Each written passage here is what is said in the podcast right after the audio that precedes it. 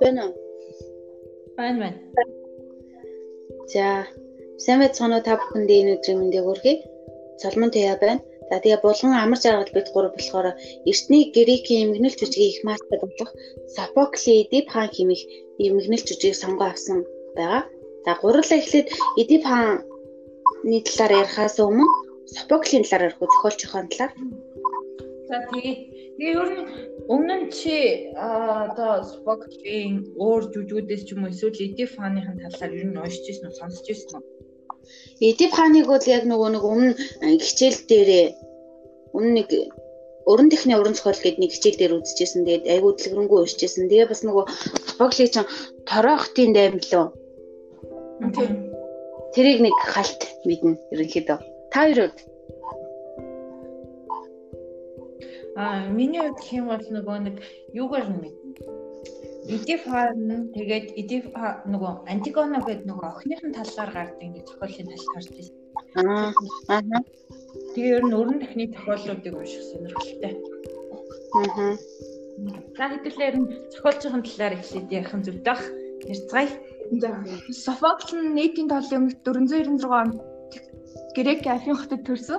Тэгээ эцгийн хаачаар сайн боловсрал эзэмшээ 468 онд их зохиолч эсгийлийн жүжигний зохиол зохиолын уралдаанд яаснаар олонний танил болсон. За тэгээд Афиохтын нийгмийн амьдралд идэвхтэй оролцдог байсан учраас тухайн цаг үеийнхэн болохоор түүнийг эмгэнэлч жижиг хомер гэдэг байсан. За тэгээд Софокл нь 60 гаруй жил уран бүтээл төрөд 123 орчим жижиг бичснээс өдгөө дөнгөж 7 жижигэнд л мэдэгддэг. Тэгээд тэр 7 жижиг хэм бол Трохтын дай Фивийн тухай домог, Геракл Баатрийн тухай хуучрын сэтгэлэмтэн Эдифан, Эдипан Колонд, Антигона, Фолоклет, Электра, Айкс, Драхины эмэгтэйчд гэсэн 7 жижиг үлднээс одоо бол Эдипан, Антигона хоёр нь дэлхийд дахин дэлхийг алдарсан юм хоёр зүйл байгаа. Аа. Тэр үеийн Эдип хааны ч бүр 94 настайдаа битсэн гэхээр бүр мундаггүй.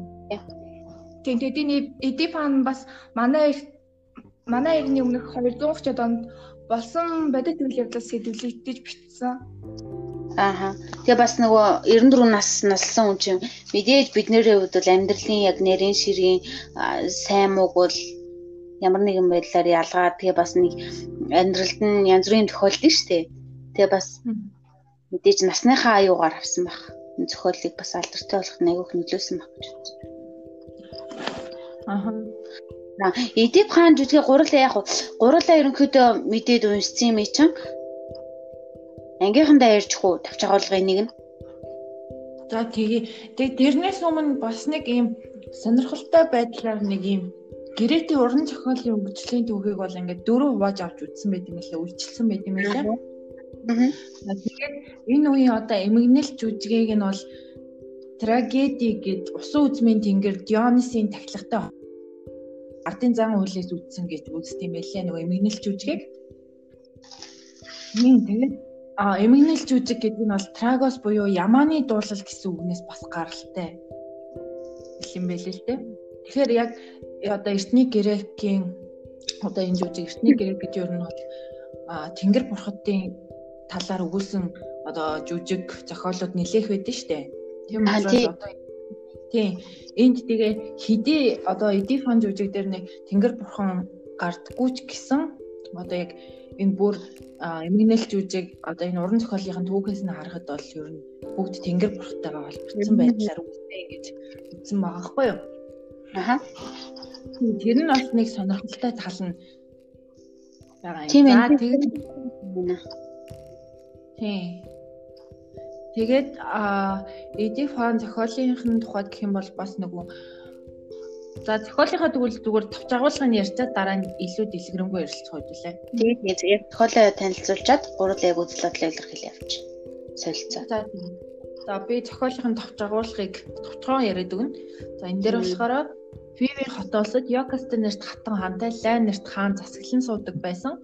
Аа хаанд нэгэн удаа болохоор хүүчи ирээдүйд таны амийг авч өөрийн ихтэйгээ ханилан сууна гэдэг одоо ёрын мөг зөгнөн хэлдэг. Аа харин энэ дөнгөс нь хаан айгаад одоо хүүгээ өөрийн хонжид өгөөд бол хороохыг тушаадаг байгаа. Тэгсэн чинь тэр хонж нь одоо хүүг хараад одоо хороо зүрхлэхгүй тэгэнгүүт нь хөрш коринфи улсынхаа нэгэн албад хончид бэлгэлждэг. Гэхдээ тэр хүүг өгөхдөө одоо гарал угсаа хэний үг болохыг хэлэхгүйгээр өгчдөг. А тэгэнгүүт тэр нөгөө хонч нь болохоор өөрийнхөө эзэн хаанда нөгөө хүүхдийг хөргүүлж өгдөг.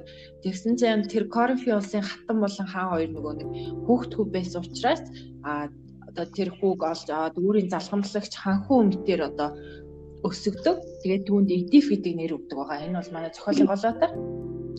За Эдиф 90 цент хүрээд а нөгөө эцгийгээ хөнөөж ихтэйгээ сууна гэсэн нөгөө нэг муухай зүнг сонсоод одоо нөгөө нэг энэ муухай зүйлийг болгохгүй тулд өөр улс руу харсан зүг рүүгээ тэнүүчилж явнаа. Эцэг ихийг амьд дээр нь би хизээч энэ улсад дахиж ирэхгүй гэж хэлээ явдаг.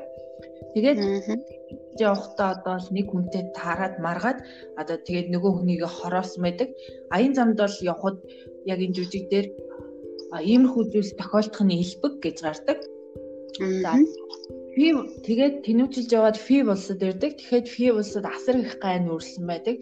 Тэрэнд нь сфинкс нэртэй хүн толгойтой арслан биетэй нэг одоо мангас байдаг. Аа. Энийг төрхтэй нүүр нь А за тэр нь болохоор явсан хүмүүсийг яадаг вэ гэхээр онцлог таалгаа тааж чадахгүй бол барьж иддэг. А харин хэрвээ тааж чадсан бол тэр өөрөө өгдөг байгаа. За тэгээд нөгөө эдив чинь тэр тэр Sphinx эдивд одоо онцлог таалгадаг. Өчигдөр дөрөн хүлтэй өнөөдөр хоёр хүлтэй маргааш гурван хүлтэй тэр юу вэ гэд. Тэгт нь болохоор эдив болохоор өчигдөр дөрөв үлдээ гэдэг нь болохоор хүүхэд нялх үедээ мөлхөж явдгаараа дөрөв үлдээ өнөөдөр хоёр үлдээ гэдэг нь том 90 цент хүрээд хоёр үлдээ явна а харин маргааш гурван үлдээ гэдэгт нь болохоор хүн хөгшрөө таяг тулаа гурван үлдээ болно гэж одоо мэрэгнэр хариулснаар нөгөө нэг Sphinx нэртэй мангас нь хавцлал өрнж өгдөг байгаа. За тэгэнгүүт EDF-ийг одоо FIV улсын тэр үед нь ягаад чи нөгөө FIV улсын хаан лай үл таны хүний гарт насаа эзэлсэн үгдэг бас мэдээ тархсан байсан. За тэгээ EDF-ийг одоо энэ мангасаас FIV улсыг аварсанд одоо EDF-ийг улсын иргэд одоо өмнөх хааны их нэртэй суулгаад одоо FIV улсын хаан болгодог байгаа. За тэгээ хожим нь FIV улсад дахиад гай нүүрлээд төлөгчөөс одоо асуухад тэр төлөгч нь Лай хааны хэн хороосныг мэдэж тэрний гисгээвээс Фива таврагдана хэмээн хэлсэнд одоо нөгөө Эдиф одоо тэр төлөвчөө хэлсний дагуу бол учрыг нь олохор болдог. За тэгээ эцэст нь бол Йокастай хатан одоо өөрийн хүүтэйгээ сууж хүүхдийн төрүүлсэн гэдгийг мэдэн одоо өөрийнхөө амийг хорлдог бөгөөд бүх учрын тайлж Фивийн гай зовлон болон төрсэн Эдиф одоо өөрийн төрсөн эдгийг хороож ихтэйгээ ханилан сууна гэсэн бузар муу үйлийг одоо хийснээ мэдээд байж чадсандаа нөгөө Йокастай хатны алтан дээрийг аваад өөрийн одоо нүдийг цохолж гэрэл ертөнцийг дахин харахгүйгээд цөллөгөнд явахыг хүсээд а тэрээр өөрийнх нь ихээс төрсөн өөрийнхөө одоо хүүхдүүдтэй дөрвөн хүүхдтэй салах хийж байгаагаар бол энэ хүү зохиол маань төгсдөг байгаа. Аа. Тийм маш товчхоноор ярил юм. А тэгээд яг зохиол маань болохоор а яг ингэж эхэлдэг дунд хэсгээс эхэлдэг яг Пив хотод дахин гай нүүрлээд төлөвч одоо Ля хааныг хэн хороосон бэ тэрнийг ол учрыг нь бол Пив хот аврагдана гэсэн байдлаар төлөгчийн хэлсэн үгээр бол энэхүү жүжиг маань эхэлдэг. Аа. Таарч энийг энэ зохиолыг уншаад яг ямар сэтгэл төрсэн бэ?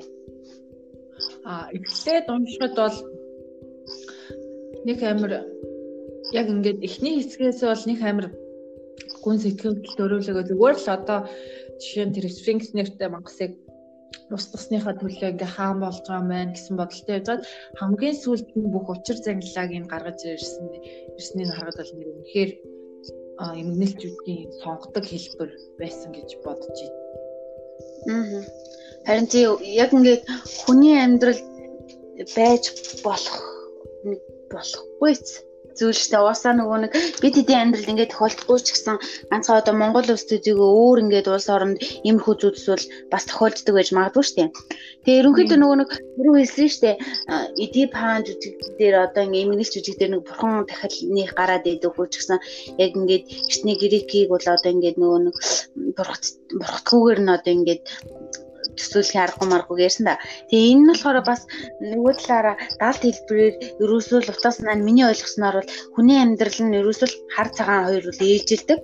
Тэгээд Софоклын одоо нөгөө нэг энэ бицээ Эдип хаан химих нэмэгнэлч үж өгөл ерөөсөө бурхны зурсан зураг гэж үл байдаг. Түүнээс үл ерөөсөө хинч тухтааж холдож ул чадахгүй. Тэгээ бас тэрийгээ бол яг ингээд даван туулаад гарах нь бол яг агуу хүний зан чанар гэж хэлж болно. Тэгээ Эдип хаан ч нөгөө нэг айгүй ээжтэйгээ гэрлээ. Тэгээд ээжтэйгээ сонгуудаа ахаад бүр дөрөв хүүхэдтэй болоод аавыгаа хүнөөцөн гэж хэр чин баг хэр баргийн хүн тисэмгүй айгүй хэцүү шттэ. Тэгсээр нэ яг өөрийнхөө амиг зүгээр ингээ хорлцоогүй өөрийгөө ингээ шийтгээд цэрлэгтэй уулаад бас тэр нөгөө нүдээс холчдаг тий.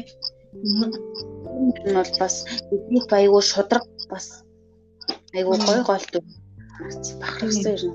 Нүдээ ганцхан хатгаад сохолтгүй хэд хэд удаа одоо шалаар нэг цохол дээр бол шалаар нэг улаан цус урсж юм гэж дүрслэгдэхээр олон удаа хатгсан гэж гардаг шнэ.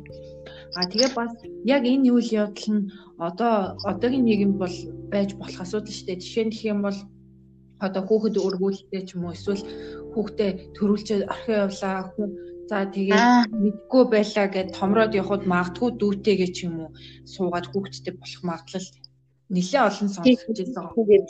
Аа. Тийм, ер нь бол зүгээр л энгийн амьдралд байдаг нэг юм нэг хүн сэдвийг аваад ингээ бичсэн зохиол юм болов гэж надад санагдсан. Тийм. Тэгээд яг ингээ бодиттой байдаг зүйл учраас хүмүүсийн сэтгэлд илүү хүрээд одоо аль өчнөө 100 жилийн өмнө бичигдсэн зохиол гэж одоо бүлтэр дэлхийн нийтэд алдартай байна гэдэг нь энэгээр харагдаж байгаа гэж бодож байна. Тэр нэг Эдипан Sphinx-тэй уулздаг гэдгсэн шүү дээ. Sphinx гэдэг нь болохоор нөгөө Кронс гээд эртний грекийн газар тариалангийн бурхан байт юм байна л да. Тэрнээс бүр өмнө гарч ирсэн. Тэгээд тэр Кронс гэдгээс өмнө оршин байсан бүх бурхад болохоор янз бүрийн амьтан хүний онцлог шин чанарыг нэгтгэж тэр хотыг суулгаж боловсролгүй улмаас хотыг оршин суугчдыг байнга залгдаг байсан тийм амьтын Аа тийм тий. Тэгээд нөгөө Эдипчан яг асуус асуулт зөөрөөсөн болохоор бүгд ч гэсэн хэлсэн үгэндээ Тэгэхээр боловсралгүй гэс нүүдэд одоо тэр хүмүүсийг залгидаг байсан гэхээр тухайн үеийн одоо арт иргэдийг нийгэмшүүлэх гэсэн тэгээ боловсралтай болох гэсэн үдэл санаа одоо тэр боловсруулахгүй байсан гэдэг одоо чухал сэдвийг хөндөж өгсөн биш бас тийм зохиол. Тийм байна. Тийм энийг сая л мэдчихсэн боллаа. Тийм би ч гэсэн ерөөсөө анийг анзаараагүй. Тийм. Тийм Европын зарим орнд ч нөгөө нэг энэ эдив хааны домгоос үүдээд эрэгтэй хүүхэд ихтэй одоо сайн байх юм бол ерөнхийдөө жоох муу ёр гэж үздэг юм л шүү. Цэрлдэг. Аа тийм үү. Аа. За хоёрт яг энэ жүжигийг уншаад хамгийн эмгэнэлтэй санагдсан хэсэг нь их хаана байх шиг байна. Аа тэр нөгөө нэг хамгийн эмгэнэлтэй хэсэг юм бол яг нөгөө нэг эцгийнхээ амийг авч эхтэйгээ ханилан суун гэсэн тэр зүнэн биелж байгаа хэсэг нь хамгийн нэмэлттэй нах та биелсэн гэдгээ мэддэг хэсэг нь ааха одоо өөрөө бол тэр нөгөө нөгөө улсынхаа хаан хатан хоёрыг бол төрсөн эцэг гэхээ гэж бодоод уг нь амхандаа энэ зөнгөөс цухтааж яваад явсан боловч яг эцэстээ бол эргээд л яг байсан байна. Анх эхлэн газраа хүрээд ирсэн байдаг. Тийм болохоор. Тэгээд энийг энийг яг ингээд сонсохоор яг л өөрөөсөө бүхний тийм зурсан зураг тавилан гэж л байдаг ч юм шиг. Аа. Мэдээж угаасаа би хамгийн таалагдсан дүр нь бол Эдип баг тий.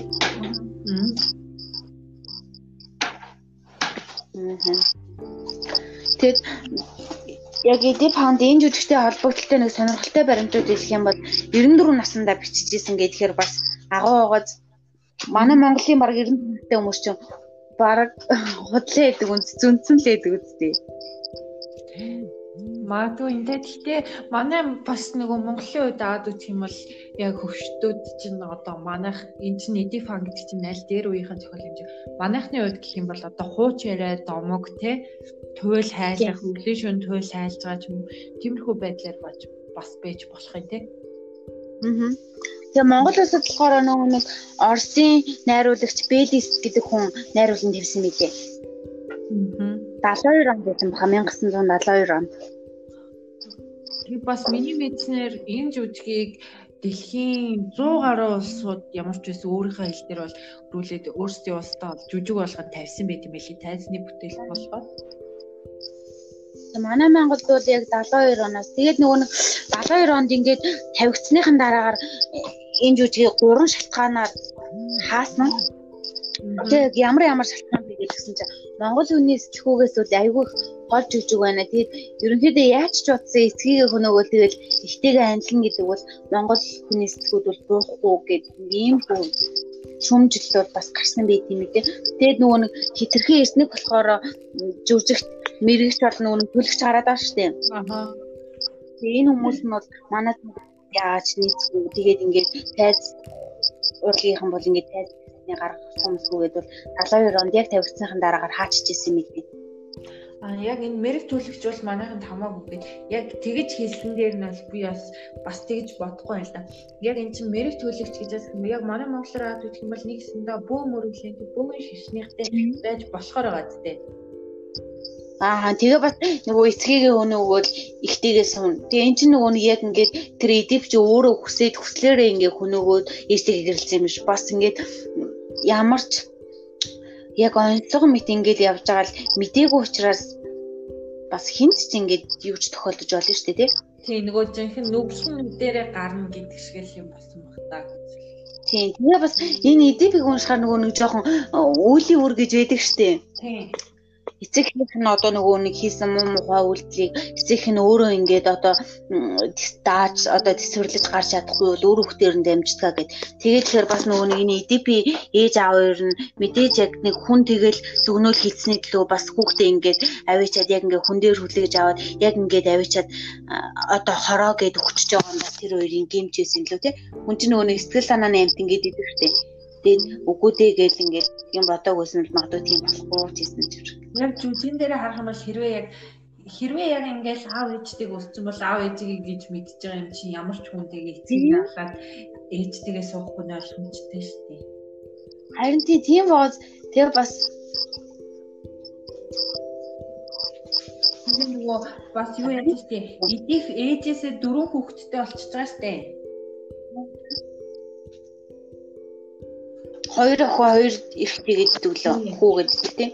Тэгээд ингээд бодоод үзэхээр а ээж нь болохоор аавтын ганцхан эдих ганцхан хүүхэдтэй байсан. Тэгээд үүлийн үр гэдэг чинь ингээд үе удмаа дамжижээдэг гэсэн санаа гэлтэж байгаа гэлтэй. Яг харин тийм тэгээ бас одоо ингээд мэдээж тэр хүүхдүүд нь угаасаа цогтой байгаа шүү дээ. Тэр бас ингээд дамжаал дамжаал явчихж байгаа байхгүй юу? Тийм. Тэгээд бас нөгөө ярьсан шүү дээ Edifin одоо Sophocles-ийн бичсэн зүйлийн Edifa Antigone гэдэг хоёр жүжиг нь бол дэлхийд дахинд одоо бүтээр алдартай байгаа гэдээ ярьсан. Тэрний нэг адилаар одоо тэр нөгөө Antigone гэдэг нь болохоор яг Edifin тийм ээжээс нь төгсөн дөрвөн хүүхдийн нэр нь юм байл юм лээ. Аа. Тийм. Аа. Тийм тэгэхээр нэлээд сонирхолтой юм гарч тийм чи яг өрнөх юм шиг санагдчихлаа тий. Яг нөгөө нэг тэр хоёрын дундаас гарсан охин яг ямар байсан бэ гээл. Тийм. Тэгээ бас нөгөө Софоклийн бас нөгөө энэ жүжиг бичсэн нэг юм байдал нь айгүй өрмөц жүжигийг яг ингээд яг баг юм өрнөл төгсгөл хэсгээс нь эхлүүлээд явжгаад бүх учир одоо тайллын тэр хамгийн сүүлд нь гаргаж өгч байгаа нь бас айгүй гоё те яг тэр хэсэг нь. Тийм, занглаг нь айгуугаар гаргаж өгвөл ингээл хүнийг яг цааш нь яг ингээ унших сэтэл сэтгэлгээг ингээл төрүүлж өгөө сүулт нь ингээд тайлал майл ингээ гараад ирж байгаа тийм зохиолууд аюу ер нь гоё тий. Тэр хүн сандал мандал шиг. Тий нөгөө Идэго Варамбагийн хүн сандалын өгүүлэг яг энтэй төстэй трейлер төрлийн яг иймэрхүү бичдэг. Яг эхлээл зүгээр ингээд байжснаа эд төгсгөлт нь хамаг зангилааг нь гаргаад ирдэг. Тийм. Тэгээ өөр нь дорн дахны Тэгэхээр бас мэдээ тэрнтэй бас яг ярихтай бол болох юм байна. Аа.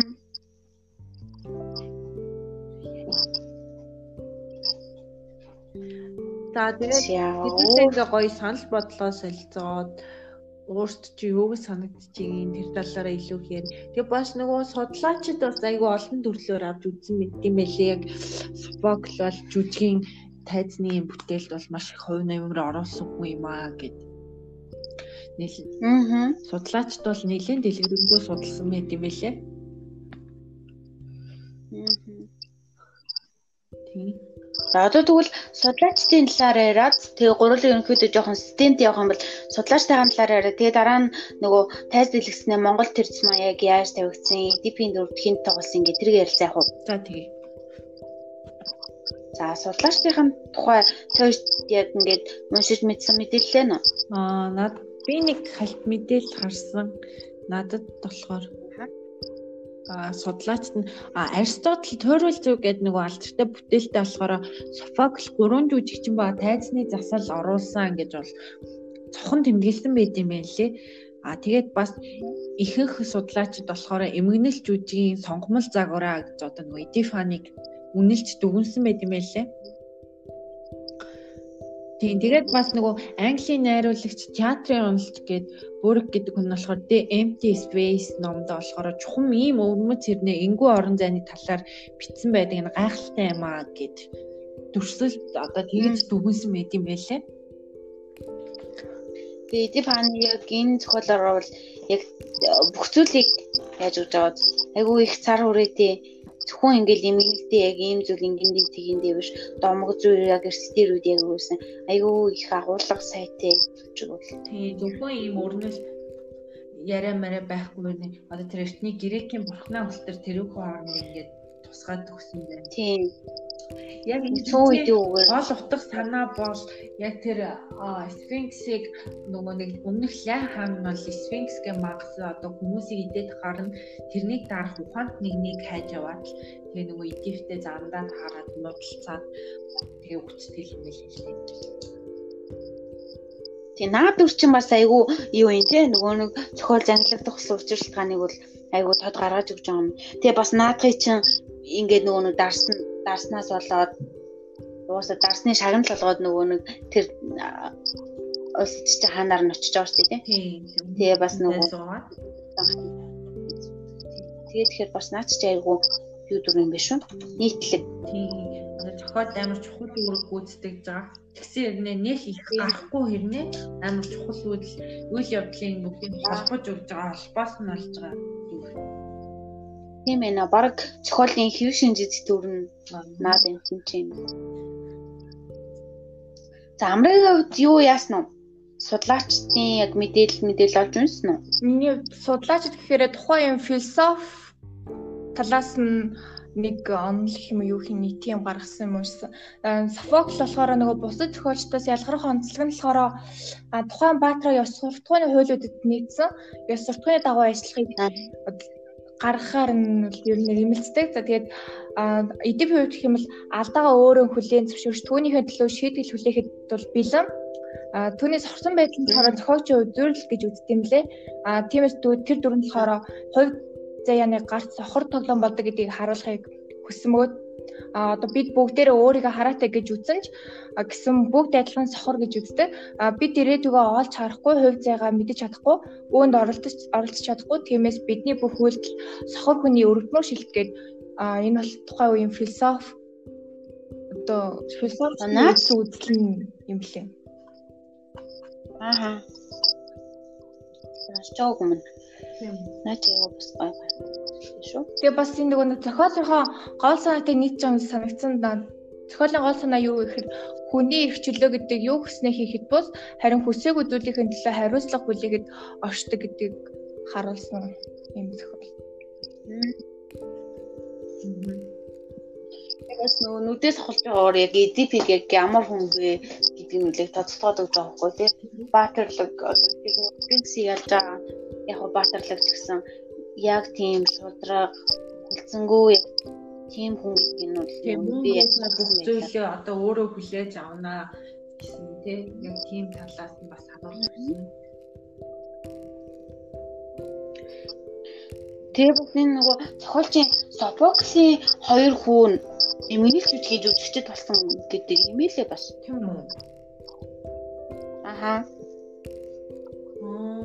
Аа, тэгтээ сонсож байгаа юм биш тий. За за гурлаа нөгөө Монгол тавигдсны яг хуу хоёр нөгөө нэг тэр яг жүжигийг үзчихсэн нөө эмгэнэл жүжигийн. Аа нөгөө юуг нь үзсэн. 2004 онд кино урлагийн дээд сургуулийн төгсөх курснуудын нөгөө диплом хамгаалах ажлынхын жүжиг нь болохоор яг эди фанаар тавьчихсан юм байлээ. YouTube дээрээс тэр бичлэгийн тэр жүжигийг үзсэн. Тэг видео гэсэн халт хааштай. Аа. Нөгөө нэг үлдсэн багш нар нь цэрэн давг минь хоёр гээд тий. Ангийнхан багш нар юм. Тий. Тэрийг яасан юм. За анх нөгөө нэг 72 онд тавигдсан гэдгийгсэн шүү дээ. Тэгээ тэр нь бол мэдээж нөгөө нэг юу бичигдсэн хэлбрээр ам үгүй бичигдсэн хэлбрээр тэгээ нөгөө нэг тайз дэлгэснээ ингээд тавьжсэн ч гэсэн бичлэг мэтлэг бол тийм үлдээгүй юм шиг байгаа юм. Тэгээд гомсрон гэдэг хүн бол иди паны дүр тоглож исэн. Аа. Тэгээд дараа нь хааш энд энийг төвшин гэж хүн найруулад нөгөө цэрэн болдсон шүү дээ. Тэр жүжигчнийг ураад тэгээд иди паны дүр бол ингээд тоглохыг гуйсан. Тэгээд иди паны дүр бол тэр нөгөө цэрэн бол гэж хүн тоглож исэн юм л. Аа за. Тэгээд бас нөгөө ингээд анх 70 1972 онд тоглож исэн гэж шүү дээ тий.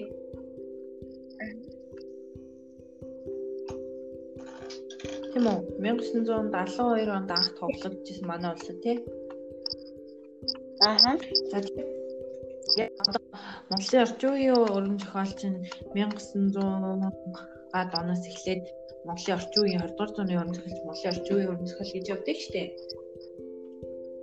Тэгээд яг 70-д 60-аас 80 оны хооронд ч юм уу нөгөө яг Монголд бол нэг манай театрын урлаг тийм ийм жүжигийн зохиолууд бол ихэнх дэлгэрч ирсэн ингээд гардыг штэ тий.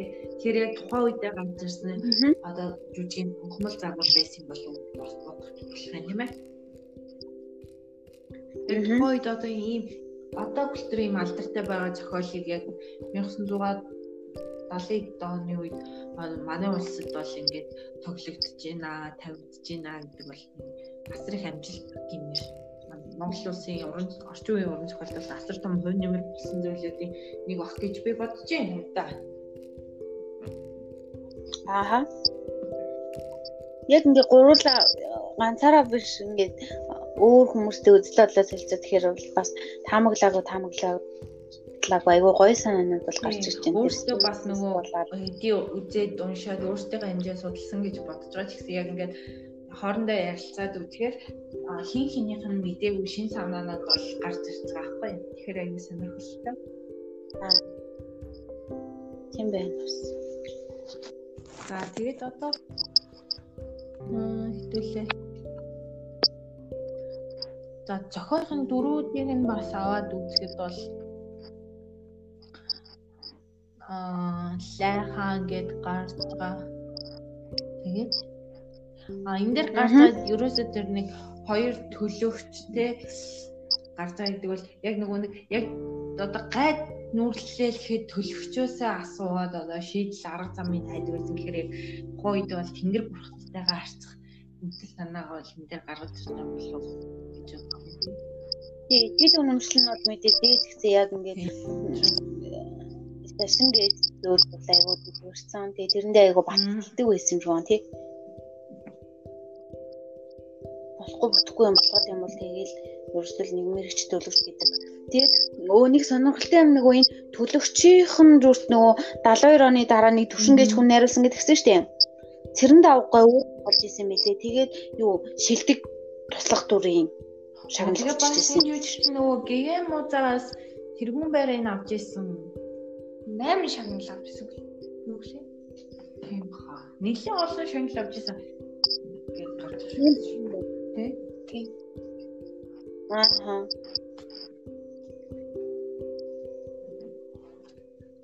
Яа. Тэ тэ тэ.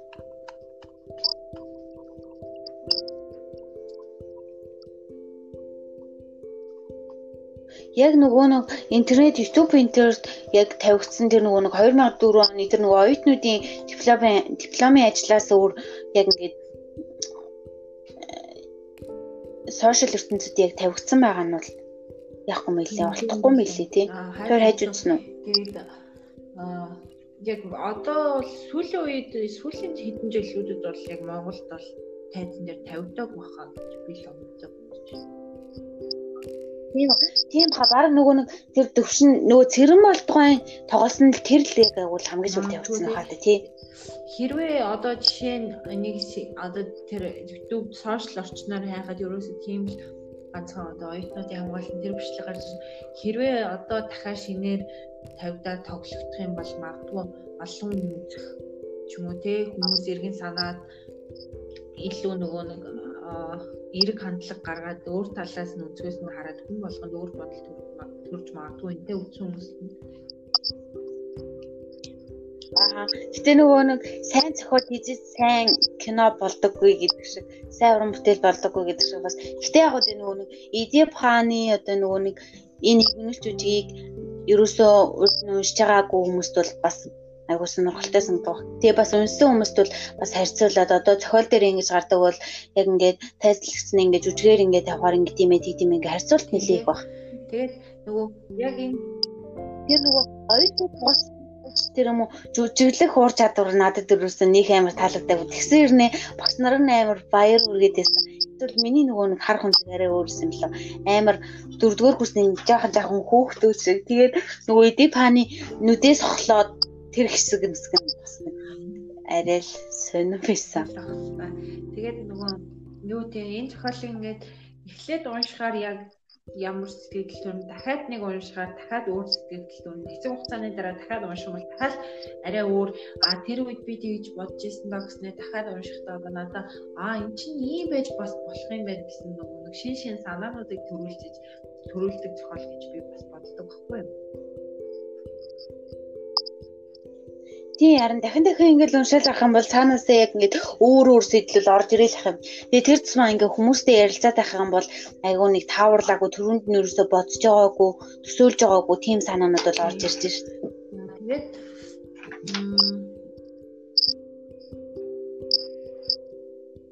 Тэгээд энэ эдип хааны энэ нөгөө нэг зохиол яг хоёрын Монгол зохиолтой яг ингээд ижил төсөөтэй юм байна уу? Монгол зохиолтой гэхээр нөгөө тунгалаг тамиртай холбоотой байж болох юм тий. Нөгөө нэг яг ихтэй яг хүний үр хүүхэд гэдэг ямар чухал вэ гэдэг яг нөгөө тунгалаг тамир зохиол дээр бас гаргаж өгдөө штэ өөрөө удам цусан төрөл ямар чухал вэ гэдэг. Тийм өөлийн өөр тий тэр нөгөө ихтгэл тоон чи хайргуу одоо хүнтэйгээ суугаад яаж байгаа л тэр сүлдийнх нь одоо тэр нөгөө өөрт ирж байгаа үүлийн үр гэх юм уу? Тэр чинь айгу нэлтэй шинжилгээ дээр Эрдэнэ чинь үгүй итгэл баян чинь нөгөө Эрдэнэ ихнэр долгорыг одоо зохиол дээр бас ингээ олддөө штэ. Тэнгүүд яг зохиолынхаа төгсгөл дээр болонгууд Эрдэнэ долгор хоёрын хүү нөгөө нэг хоон хөхийг нөгөө нэг итгэлтийн ганц хүү хонгорыг нөгөө алхацсан штэ. Тэгэхээр яг нөгөө нүгэн нүдэрээ гарна гэдэг яг нөгөө нэг үеийн үр нэг үр удамтанд дамждаг гэсэн санаа бол яг гарч ирж байгаа байхгүй юу? Аа тийм байна. Бас Монголд амьдарч байгаа нөгөө өглүүд нь бас амар тий яг би бүр миний захиур төмөрс дээр нөгөө нэг хиний хонгорын хөл дээр бүр амар харамсдаг шүү дээ. Ерөнхийдөө бол хонгорын зохиог бол ерөнхийдөө бол зүгээр л аавынх нь үлийн үйл хөвгсөн юм шиг. Тий харин яг үүрэг дээр нэг жоохгүй тий. Тэгээд тэгэхээр бас нэг тэр лай хаан болон тэр Коста хатан матан яг л нэг түрүүн түрүүний ярьсанчлан муу муухай зүйл хийх юм бол үүрэг дээр нь л яг дэмжих юм гэсэн сан. За тэгвэл Өнөөдрийн хоёрын ярьсан зүйлсийг бол шин шин зүйлсүүдийг бас нэг нэгнээс мэдэж олоо. Тийм болохоор ер нь нэгтгээд нэг дүгнэлт маягийн дүгнээд нэг өөрсдөө бодлыг илэрхийлээд дуусгав. Йоо. За энэ хин их хөө. За миний би хэлэх юм бол зүгээр л нөгөө төрөний ярьсанчлан бурхны зурсан зураг гэж бол угаасаа байдаг. Зарим хүмүүс ч нөгөө нэг ерөөсөө хувь тавилан гэж байдаггүй. Чи өөрөө л одоо ингээ хувь тавилангаа яг яаж амьдрах уу, сайн сайхан явах уу, муухай явах уу тэрийг бол ингээд яадаг гэдэг штэ. Өөрөө ингээ бичдэг гэдэг. Гэтэ бас ямар нэгэн байдлаар бурхны зурсан зураг гэдэг бол байдаг. Гэтэ мэдээж тэрнээс бол одоо хинч хизээж хаашаач татах ихэхгүй яг бүгднийг яг ингээл даван тулаад гарах хэрэгтэй юм шиг. Энэ бол яг нөгөө нэг хүний хамгийн том чухал үүрэг гэх юм уу? Хариуцлага.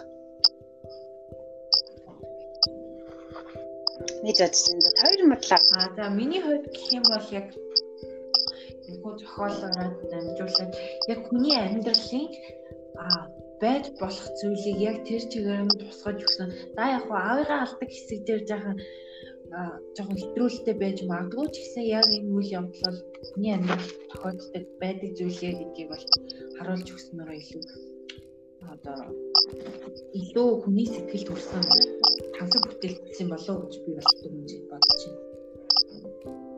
За миний хувьд болохоор ер нь жүжигийнхаа уран дүрслэлтэй холбоо ярьж гэж байна.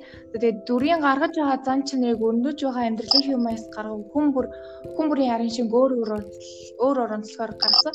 Тэгээд амьдралын хэмээс гаргасан шин санаг хааны амьдралтай холбоо авсан дүр төрслөлөөр төрсөлсэй. Тэгээд төрсөн сэтгэл гэх юм бол хувь хүн хүн хувь тавилангаасаа зүгтах гэж хэдий хичээсэн ч тэр боломжгүй байдаг гэдгийг харж гисэн.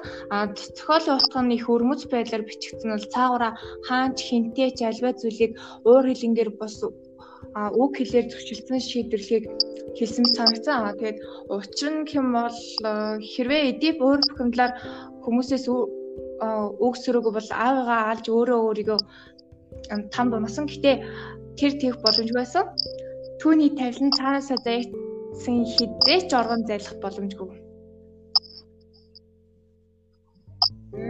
За ерөнхийдөө өөрийн дүгнэлт бол дамар чи өдрөх бол сүйтэй юм байна. Яг л.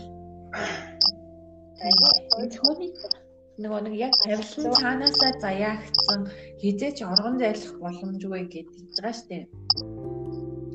Тэгэхээр яг хүний заягдсан танил бол яг л тийм байдгаа гэсэн. Яг эхлээл тэр хүүхдийг төрөхт нь хэлсэн тэр зүм яваа яваандаа эцэст нь яг л хэдий тэрнээс зүхтгийг оролцсон ч гэсэн эцэст нь биелж байгаа. Яг л тэр үйл юм шиг юм л та. Тий зүн биелээл те. Тусах уу? За. За тусах. За анхаарал тавьсан явдал байрлал нь анхаарал тавьсан байлаа. Болно яг бол байлаа. Аа. Баяртай.